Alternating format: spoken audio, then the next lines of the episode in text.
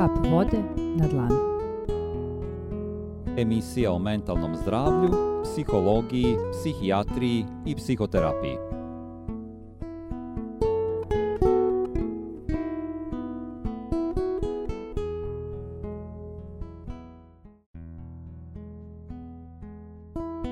Dobro večer.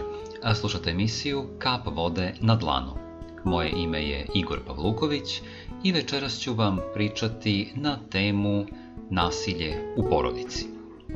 Ovo je tema o kojoj se dosta priča, a ono što je bitno u ovom izdanju naše emisije jeste da vam predstavim šta je zapravo nasilje u porodici, da se to malo razjasni i da se preventivno deluje.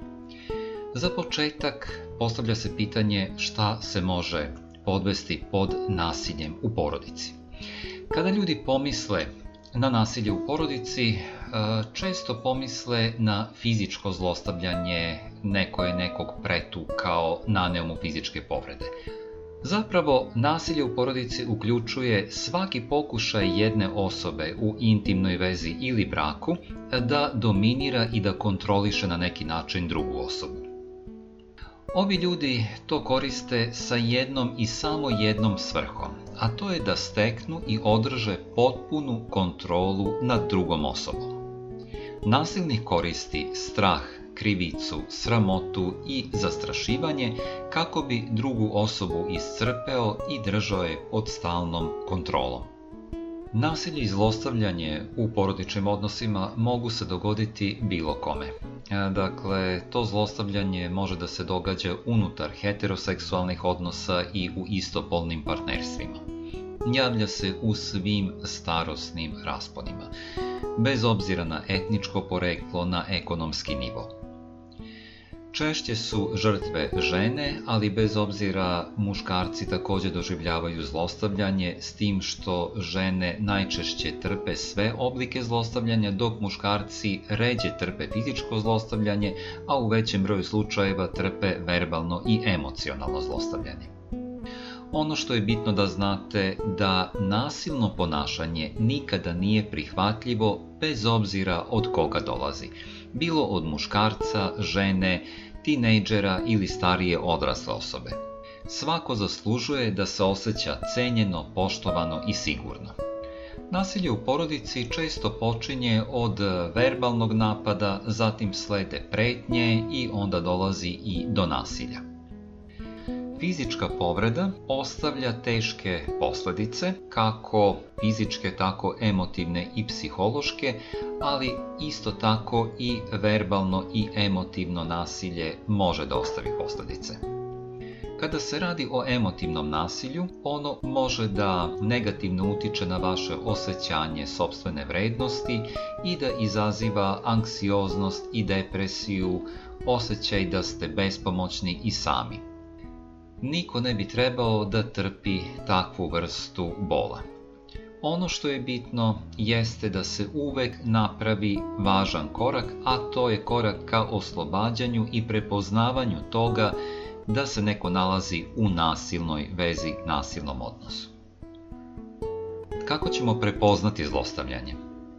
Postoje brojni znakovi zlostavljanja, a strah od druge osobe je ono što je na prvom mestu.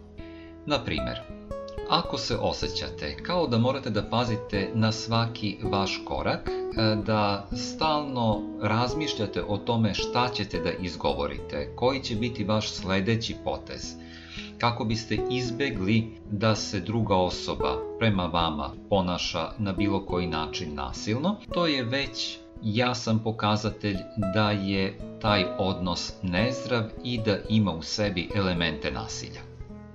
Ako vas druga osoba omalovažava, pokušava kontrolisati, ispoljava prema vama bejs mržnju, a vi se u svemu tome osjećate bespomoćno, očajno, to je jasan znak da se nalazite u nasilnom odnosu.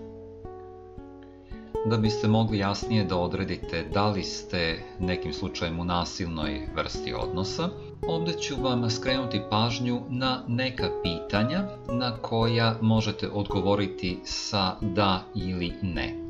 Ukoliko je veći broj vaših odgovora da, to će biti jasan pokazatelj da se nalazite u nasilnoj vezi. Ali u svakom slučaju ako je broj odgovora na da veći i od 10-20%, potrebno je da obratite pažnju na ono pitanje na koje ste odgovorili na da. Zbog čega? Zato što ako postoji i minimalan element da se nešto nasilno dešava u vašem odnosu, postoji tendencija da ono što je sad negde minimizirano ne primećujete. Vremenom može da se pojača. Pa, na primer, sad ste odgovorili na svega 2-3 pitanja sa odgovorom da. Ali već za neko vreme, za nedelju dana, mesec dana, 6 meseci, može da se dogodi da se udvostruči, utrostruči broj vaših odgovora da na ova pitanja koje ću ovde sad da izložim. Za početak ću vam postaviti nekoliko pitanja koja se odnose na vaše unutrašnje misli i osjećanja. Da li strahujete od svog partnera veći deo vremena? Da li izbegavate određene teme iz straha da ne biste naljutili svog partnera? Da li osjećate da šta god učinite ništa nije dobro vašem partneru? Da li verujete da zaslužujete da budete povređeni ili maltretirani? Da li se pitate da sa vama možda nije nešto u redu? Da li se osjećate nemoćno ili bespomoćno u najvećem broju situacija? Sledeći set pitanja odnosi se na ponašanje vašeg partnera. Da li vas partner ponižava ili viče na vas? Da li je sklon da vas kritikuje? Da li se mnogo puta desilo da vas je izneverio? Kada se partner prema vama loše ponaša, da li vam je neugodno da vas prijatelji ili porodica vide? Da li vaš partner ignoriše vaša mišljenja i vaša postignuća, a uzdiže svoja mišljenja, stavlja sebe na prvo mesto i ponaša se kao da sve od njega zavisi? Da li krivi vas za to što se prema vama odnosi loše ili što vas zlostavlja? Da li vas vaš partner posmatra kao svoje vlasništvo ili kao seksualni objekat, a ne kao osobu? Sledeći set pitanja odnosi se na ponašanje vašeg partnera. Da li vaš partner ima nezgodan i nepredvidiv temperament? Da li preti da će vas povrediti ili ubiti? Da li vam preti da će vam oduzeti decu ili da će biti nasilo na neki način prema deci? Da li vaš partner preti da će izvršiti samoubistvo ako ga ostavite? Da li vas prisiljava na seks da li je sklon da uništava vaše stvari. Sljedeći set pitanja odnosi se na e, to da li vas partner i kako kontroliše. Da li se vaš partner ponaša preterano ljubomorno i posesivno? Da li kontroliše kuda idete i šta radite? Da li vam ograničava viđanje sa prijateljima i članovima vaše uže porodice? Da li vam ograničava pristup novcu, telefonu ili automobilu? Da li vas stalno na bilo koji način proverava? Evo ovo su bila četiri seta pitanja i ako ste na većinu ovih pitanja odgovorili sa da, ovo je siguran pokazatelj da se nalazite u nasilnom odnosu i da trpite nasilje, da ste na neki način žrtva nasilja. Prema tome, jako je važno da budete svesni toga i da preduzmete korake da izađete iz toga, jer vi ne zaslužujete da vas neko maltretira, kontroliše i da bude nasilan prema vama. Šta je fizičko i seksualno zlostavljanje? Do fizičkog zlostavljanja dolazi kada se protiv vas koristi fizička sila na način koji vas povređuje ili na bilo koji drugi način ugrožava. Fizički napad ili prebijanje jeste krivično delo, bilo da se događa unutar ili izvan porodice. U ovom slučaju obavezno je da prijavite fizičko nasilje policiji, zato što policija ima ovlaštenja da vas zaštiti od zlostavljača i od fizičkog napada. Što se tiče seksualnog zlostavljanja, svaka situacija u kojoj ste primorani da učestvujete u neželjenoj, nesigurnoj ili ponižavajućoj seksualnoj aktivnosti jeste seksualno zlostavljanje. Prisilni seks čak i od supružnika ili intimnog partnera sa kojim imate i sporazumni seks jeste čin agresije i nasilja.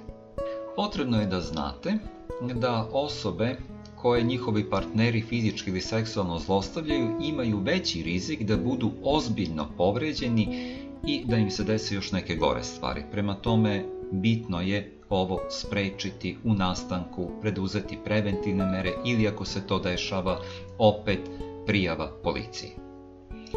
Šta još može da se podrazumeva kao zlostavljanje u porodici?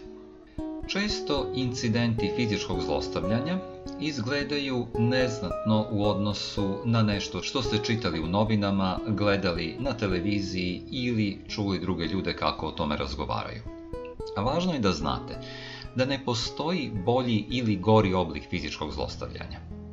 Na primjer, ako vas neko samo gurne, a vi padnete nezgodno, možete vrlo teško da se povredite i to može imati ozbiljne posljedice. Ako su se incidenti fizičkog zlostavljanja dogodili samo jedan ili dva puta u vezi, to ne znači da je sa tim završeno ili da je to bio samo neki prolazan incident. Studije pokazuju da ako vas je vaš bračni partner ili emotivni partner jednom fizički povredio, velika je verovatnoća da će vas ta osoba nastaviti povređivati. Ukoliko se desilo da vas druga osoba fizički napadne i da prestane onda kada ste vi postali pasivni i kada ste prestali da se izražavate kako želite, kada ste prestali da se slobodno krećete, viđate druge ljude i samostalno donosite odluke, to opet ne znači da je kraj sa fizičkim napadima i sa zlostavljanjem. Niste ništa uradili ako ste se morali odreći vaših prava kao osobe da bi vaš partner prestao da vas zlostavlja. I dalje trpite posljedice i dalje ste u nasilnoj, emotivnoj ili bračnoj vezi. Šta ako do fizičkog nasilja nije došlo? Ako do fizičkog nasilja nije došlo, a postoji emocionalno i verbalno zlostavljanje, to može biti jednako zastrašujuće i štetno kao i fizičko zlostavljanje. Dakle, i to je isto tako nasilje. Ono što je važno da znate jeste da je emocionalno zlostavljanje veći problem nego što mislite. Nisu svi nasilni odnosi vezani za fizičko nasilje. E, to što niste pretučeni, fizički povređeni, ne znači da niste zlostavljani. Mnogi muškarci i žene pate od emocionalnog zlostavljanja, a ono nije manje destruktivno od fizičkog. Nažalost, emocionalno zlostavljanje se često minimizira i previđa. To čak radi i osoba koja doživljava takvu vrstu nasilja osoba koja emocionalno zlostavlja drugu osobu. To čini kako bi osoba koju zlostavlja izgubila osjećaj sobstvene vrednosti i nezavisnosti. To ostavlja zlostavljaču dovoljno prostora da ostvari svoj cilj, a to je da drugu osobu kontroliše i da uspostavi potpunu vlast nad njom. Šta podrazumevamo pod emocionalnim zlostavljanjem? Emocionalno zlostavljanje uključuje verbalno zlostavljanje poput e, vikanja, nazivanja pogrdnim imenima drugu osobu, e, zatim prebacivanje krivice i sramote na osobu koja je zlostavljana. Izolacija, zastrašivanje i bilo kakav pokušaj kontrole također se smatra oblicima emocionalnog zlostavljanja.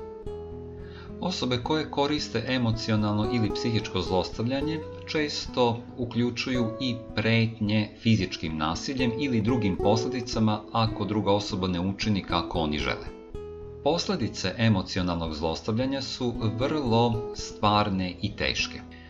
Možete da pomislite da je fizičko zlostavljanje mnogo gore od emocionalnog zlostavljanja, jer fizičko nasilje može čovjeka da pošalje u bolnicu, da ostavi fizičke posljedice, dakle da povreda bude takva da dovede i do invaliditeta. Ali emocionalno zlostavljanje može biti jednako štetno, ponekad čak i više. Najčešće posljedice emocionalnog zlostavljanja jesu da se osoba povlači u sebe, da postaje anksiozna, depresivna i da emocionalno i psihički na taj način propada i urušava se. Na dugoročnom planu to šteti i fizičkom zdravlju. U porodično nasilje možemo uključiti i ekonomsko i financijsko zlostavljanje, što je subtilni oblik emocionalnog zlostavljanja. Uvek imajte u vidu da je cilj zlostavljača da vas kontroliše i za to će on često koristiti i novac. Ekonomsko ili finansijsko zlostavljanje uključuje čvrstu kontrolu vaših financija, zadržavanje vašeg novca ili kreditnih kartica, polaganje računa drugoj osobi za sve što potrošite. Zatim vas sprečava da radite ili da birate svoju karijeru druga osoba sabotira vaš posao, a zbog čega vi ne odlazite na posao, propuštate vaše obaveze, stalno vas zove i proverava na vašem poslu, isto tako krade od vas ili vam uzima direktno novac. Nasilno ponašanje je izbor. U velikom broju slučajeva ljudi veruju kako se nasilje u porodici i zlostavljanje događa zato što nasilnik gubi kontrolu nad svojim ponašanjem. U stvari, nasilno ponašanje je smišljen izbor za sticanje kontrole od strane nasilnika nad osobom koju zlostavlja. Zlostavljači koriste razne taktike, metode da bi manipulisali drugom osobom i da bi imali moć nad njom. Ovdje ćemo vam opisati koje su najčešće taktike zlostavljača. Jedna od najčešćih taktika jeste dominacija. Dominacija se ispoljava tako da osoba koja zlostavlja donosi odluke za vas i porodicu. Govori vam šta treba da radite i očekuje da ćete je poslušati bez ikakvog pitanja i pogovora. Zlostavljač se može odnositi prema vama kao da ste mu sluga, dete ili da ste čak njegovo lično vlasništvo, znači kao da ste predmet. Druga poznata taktika je ponižavanje a zlostavljač će učiniti sve što može kako bi umanjio vaše samopoštovanje i kako bi vas naterao da se na bilo koji način osjećate pogrešnim, neispravnim. Ako verujete da ste bezvredni, da vas niko neće hteti, naravno manje je verovatno da ćete otići iz takve vrste odnosa. Česte uvrede na vaš račun, stvaranje osjećanje krivice i sramote su oružje zlostavljača a oni to rade smišljeno kako bi učinili da se osjećate nemoćno. Treća taktika koju zlostavljači koriste jeste da kako bi povećali vašu zavisnost o njima, ograničavaju vaš pristup spoljnom svetu ili vas potpuno izoluju. Oni mogu da vas preče da viđate porodicu ili prijatelje, a čak vas mogu sprečavati da idete na posao ili u školu. Ovo ide dotle da vi morate da tražite dozvolu za bilo šta što nameravate da učinite od zlostavljača, na primjer da odete bilo gde ili da vidite nekoga. Četvrta taktika koju koriste je pretnja. A zlostavljači najčešće koriste pretnje kako bi sprečili drugu osobu da ih napusti. A zlostavljač može zapretiti da će vas povrediti, ubiti, na primjer vas, vašu decu, članove vaše uže porodice, čak i kućne ljubimce. S druge strane mogu pretiti da će izvršiti samoubistvo, e, lažno vas prijavljuju socijalnim službama, kako ste nemarni prema deci ili slično. Uobičajena taktika koju zlostavljači koriste jeste zastrašivanje. Ove taktike uključuju da oni zauzimaju preteći stav, gestikulaciju, razbijaju stvari pred vama, uništavaju imovinu, e, povređuju, na primjer, kućne ljubimce, e, zatim vam pokazuju oružje i slično. Ono što stoji iza ovih postupaka jeste da će nakon toga da uslede nasilne posljedice ako ne budete činili kako zlostavljač od vas zahteva. Još jedna od taktika jeste uskraćivanje i stvaranje osjećanja krivice. Zlostavljači često svoje ponašanje opravdavaju tako što govore da su imali loše detinstvo, da su imali loš dan, zatim optužuju vas i decu za to što su takvi kakvi jesu, znači za svoje postupke, pa se i sami opravdavaju da su nekada bili žrtve zlostavljanja. Oni na taj način pokušavaju da što više minimiziraju svoje neprikladno ponašanje i čak negiraju da se bilo šta od toga dogodilo. Često prebacuju odgovornost na vas. Potrebno je da znate da zlostavljači mogu da kontrolišu svoje ponašanje i ne samo da mogu da kontrolišu, oni neprestano kontrolišu svoje ponašanje. Na prvom mestu nasilnici biraju koga će zlostavljati oni neće izabrati osobu koja može da im se suprotstavi. Uvek će zlostavljati slabije od sebe. Na primjer, oni ne vređaju, ne prete, ne napadaju svakog u svom životu i u svom okruženju. Zlostavljanje ispoljavaju najčešće prema osobama koje su im najbliže, a to su najčešće one osobe koje tvrde kako ih vole. Nasilnici pažljivo biraju kada će i gde nekoga zlostavljati. Uvek paze da kada se nasilje dešava, niko drugi nije u blizini ko može to da primeti i da svedoči njihovom nasilju. U javnosti se ponašaju kao da je sve u redu, ali odmah kreću sa zlostavljanjem kada ste sami sa njima. Oni su uvek u stanju da zaustave svoje nasilno ponašanje kada je to njima od koristi. Velika većina zlostavljača nije izvan kontrole kao što drugi to misle. Zapravo oni mogu odmah da zaustave svoje nasilno ponašanje, na primjer kada se policija pojavi ili kada ih neko sa strane vidi. Kada dolazi do fizičkog nasilja, oni obično usmeravaju svoje udarce tamo gde se neće pokazati modrice. Bez obzira što se drugoj osobi čini da se zlostavljač ponaša tako zato što je izgubio kontrolu nad sobom, oni zapravo pažljivo ciljaju svoje udarce tamo gde tragovi neće biti vidljivi. U ovom delu opisao sam kako ćete prepoznati nasilje i kako se zlostavljač ponaša. Sada je vreme za kratku muzičku pauzu i nastavljam dalje da pričam o ovoj temi.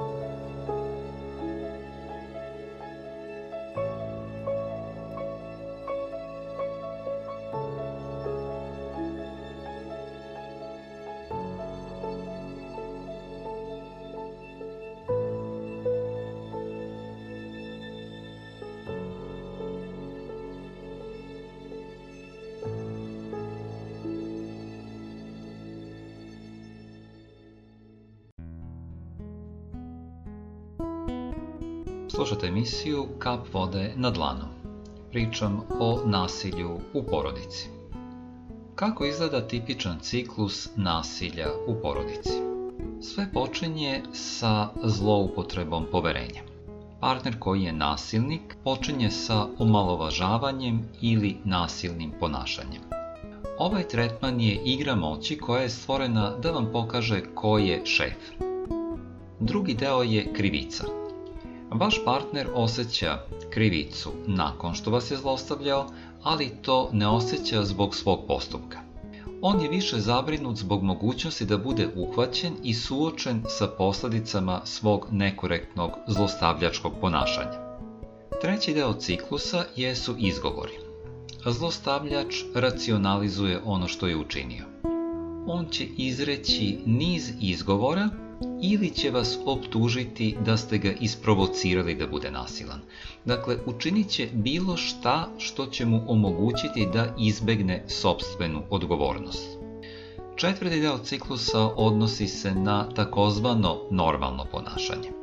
To znači da vaš partner, zlostavljač, čini sve što je u njegovoj moći kako bi povratio kontrolu i osigurao da ćete ostati u vezi sa njim on ovdje može delovati kao da se ništa nije dogodilo, e, čak će pokušati da bude miran, upotrebit će svoj šarm. Učinit će sve kako bi vas uverio da se nasilje neće ponoviti. Ova mirna faza, taj privremeni, da ga nazovemo tako medeni mesec, može kod vas probuditi nadu da se nasilnik ovog puta stvarno promenio. Peti deo ciklusa odnosi se na fantaziju i planiranje. Zlostavljač u ovoj fazi počinje da mašta o ponavljanju zlostavljanja. On će provoditi mnogo vremena razmišljajući o tome šta ste vi pogrešno učinili i kako će vas navesti da to platite. On u ovoj fazi svoju fantaziju zlostavljanja priprema, planira da pretvori u stvarnost. U šestom delu ciklusa on postavlja scenu za novo zlostavljanje. To radi tako što stvara situaciju u kojoj može opravdati svoju potrebu da vas zlostavlja.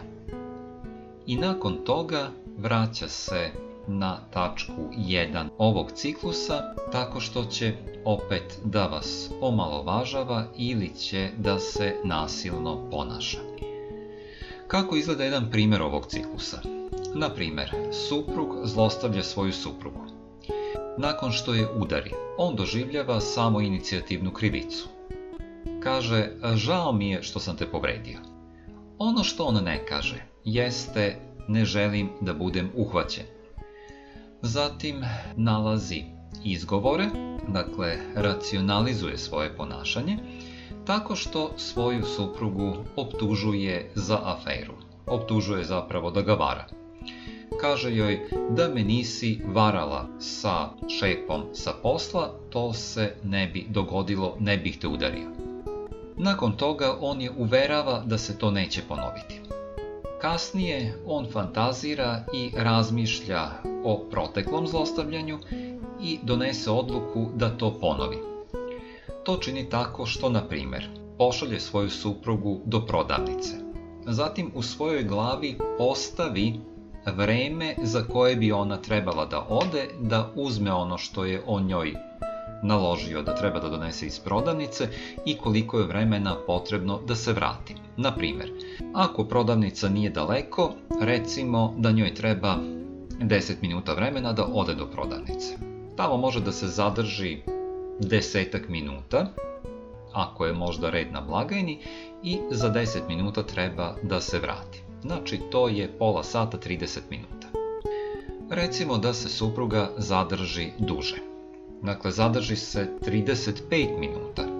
On je već našao izgovor da u svom umu opravda napad na nju, to jest da je optuži da se usput našla sa šefom sa svog posla, da je to sve bilo smišljeno, da ga je nazvala i da bi se vidjela sa njim ili da je makar obavila telefonski razgovor sa njim. Dakle, našao je već neku situaciju za koju će da je optuži i koja će opravdati naredni čin nasilja. Kako ćete prepoznati da je neka osoba žrtva nasilja? Nemoguće je sa sigurnošću znati šta se događa iza zatvorenih vrata nečijeg doma, ali postoje određeni znakovi emocionalnog zlostavljanja i nasilja u porodici. Ako nešto od ovih znakova primetite kod vaših prijatelja, člana uže porodice, onda to uzmite vrlo ozbiljno, zato što su najčešće oni jasni pokazatelji da je ta osoba žrtva nasilja. Kako ćete ove znakove prepoznati? Osobe koje su žrtve zlostavljanja često pokazuju strah ili teskobu. Čine sve ono što njihov partner kaže. Slažu se sa svim što njihov partner izgovori. Primetit ćete da se često čuju sa svojim partnerom da ga pozivaju telefonom kako bi mu javili gde se nalaze i šta rade primetit ćete kako primaju česte telefonske pozive od svog partnera, nakon kojih deluju uznemireno. Ovi ljudi će povremeno ili često pominjati partnerov temperament, ljubomoru ili posesivnost u razgovoru sa vama. Kako možete da primetite da neko trpi fizičko nasilje? Ove osobe imaju česte povrede i često se izgovaraju da su imale neku nezgodu. Na primer, sapele su se pa su pale niz stepenice, slučajno su se udarile kada su otvarale vrata i slično. Često izostaju sa posla i škole, sa društvenih događaja i pri tome ne daju objašnjenja ili opet nalaze neke izgovore koji su malo nejasni ili providni. Nose odeću koja skriva modrice i povrede. Na primer, nose duge rukave leti ili sunčane naočare u zatvorenom prostoru.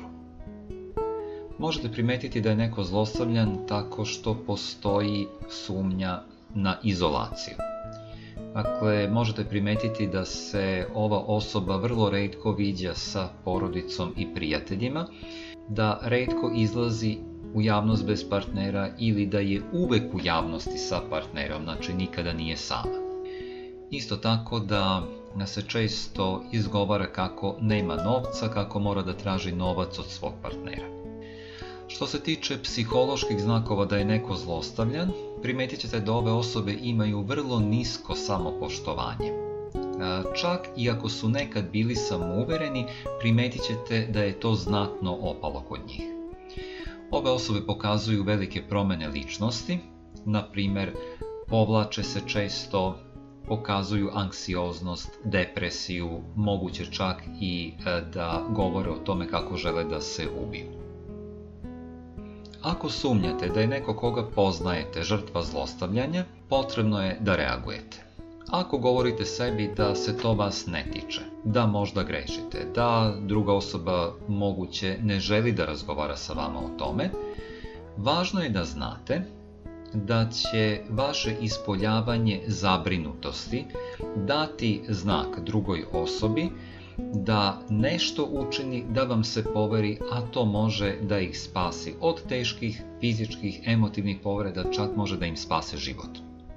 Prema tome, dobro je da nasamo razgovarate sa tom osobom i da joj saopštite kako ste zabrinuti. Da joj objasnite po čemu ste primetili da se sa njom nešto zabrinjavajuće dešava. Recite joj da ste tu zbog nje kad god poželi da razgovara sa vama. Pri tome je važno da znate da su nasilnici vrlo vešti u kontroli i manipulisanju svojim žrtvama. Ljudi koji su bili emocionalno ili fizički zlostavljani često su depresivni, uplašeni, osjećaju sramotu, krivicu, deluju zbunjeno. Njima je neophodna pomoć da bi izašli iz ove situacije, ali najčešće je problem u tome što ih osoba koja ih zlostavlja, često njihov bračni emotivni partner, izoluje od porodice i prijatelja. Pružanjem podrške vi možete pomoći da izbegnu zlostavljačku situaciju i da započnu na neki način lečenje ukoliko su depresivni, anksiozni i trpe posledice zlostavljanja.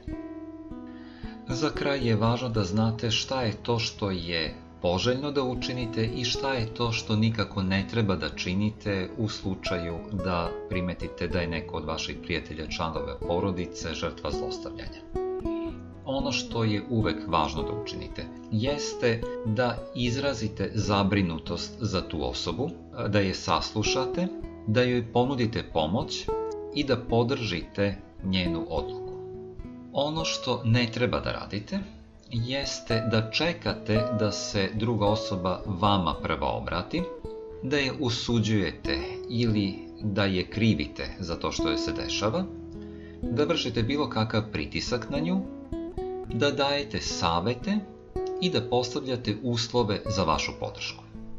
Ukoliko ste žrtva zlostavljanja, dakle prepoznali ste sebe u ovom izdanju ove emisije, obavezno je da prijavite nasilje nadležnoj ustanovi, policiji, socijalnoj ustanovi, a za saniranje posledica emotivnih, psiholoških koje vam je nasilnik naneo, možete u svako doba da se obratite članovima tima psihijatrijske i psihoterapeutske ordinacije Anđelke Kolarević putem telefona 060 518 1990 ili preko inboxa e-maila na stranici Kap vode na dlanu. Naš tim vam stoji na raspolaganju za stručnu podršku i psihoterapiju. Kap vode na dlanu. Emisija o mentalnom zdravlju, psihologiji, psihijatriji i psihoterapiji. Temu pripremio Igor Pavluković, psihoterapeut. Autor muzike Vuk Bradić. Redakcija emisije Kap vode na dlanu. Primarius doktor Anđelka Kolarević, Tamara Bradić i Igor Pavluković. Želimo vam prijatan unutrašnji rast. Do slušanja.